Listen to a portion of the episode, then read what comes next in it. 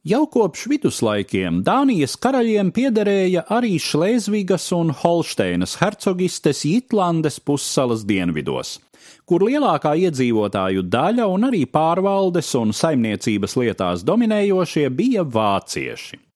19. gadsimta vidū Prūsijai sākot būvēt Vācu impēriju, šie vāciski runājošie dāņu karaļa pavalstnieki izrādīja arvien noteiktāku tieksmi apvienoties ar saviem tautas brāļiem uz dienvidiem no robežu upes Elbas.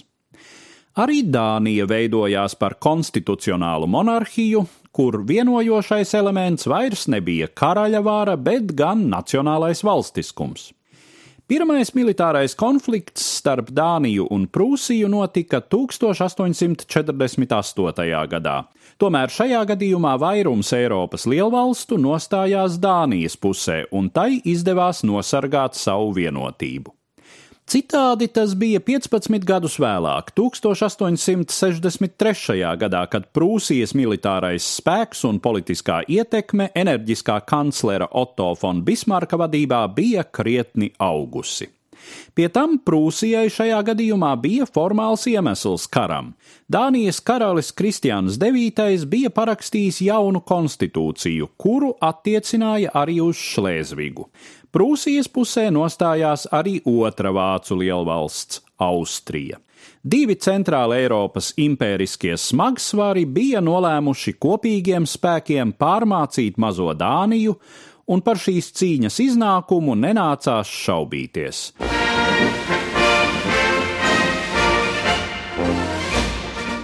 Dānijas vienīgais trumpis bija tās kara flote. Austrijai bija diezgan ievērojami jūras spēki, taču tie atradās Eiropas otrā malā, vidusjūrā. Prūšu kara flote vēl bija tikai tapšanas stadijā.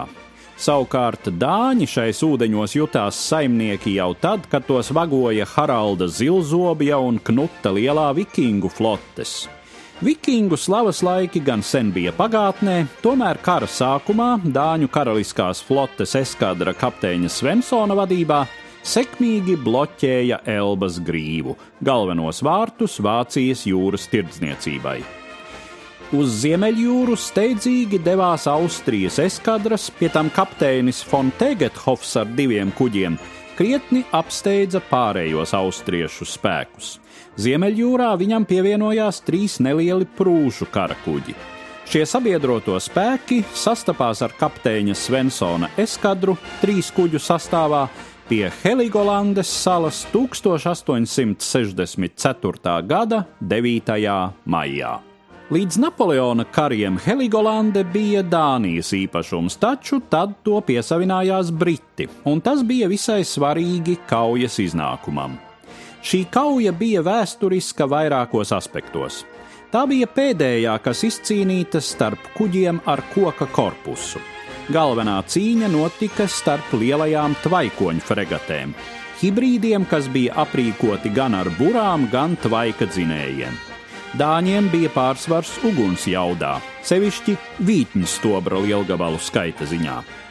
Izšķirošais bija brīdis, kad Svensona flagmanim Nils Joels izdevās aizdedzināt Tegethofa flagmani Švarcenbergs. Austrieši atkāpās Britu teritoriālajos ūdeņos, Dāņi mēģināja sekot, taču viņiem ceļu aizšķērsoja Britu fregate Aurora, liekot manīt, ka nepieļaus kauju savā teritorijā. Nākamajā naktī Tegethofam, izmantojot labvēlīgu vēju, izdevās aizlavīties Dāņiem garām un patvērties Elbas grīvā. Dāņi varēja svinēt uzvaru, taču austriešiem un prūšiem bija izdevies saglabāt eskadru, un ierodoties galvenajiem austriešu spēkiem viceadmirāļa von Wullerstorfa vadībā, viņiem Ziemeļjūrā jau bija pārsvars. Dažus mēnešus vēlāk Dānija bija spiesta atzīt sakāvi Otrajā Šlēzvigas karā, kas kļuva arī par pēdējo, kad šī nelielā valsts mēģināja aizstāvēt savas intereses militāriem līdzekļiem. Attiecīgi, Heligolandes kauja ir arī pēdējā patstāvīgi izcīnītā kauja vairāk nekā 500 gadus ilgajā Dānijas karalisko jūras spēku vēsturē. Stāstīja Eduards Liniņš.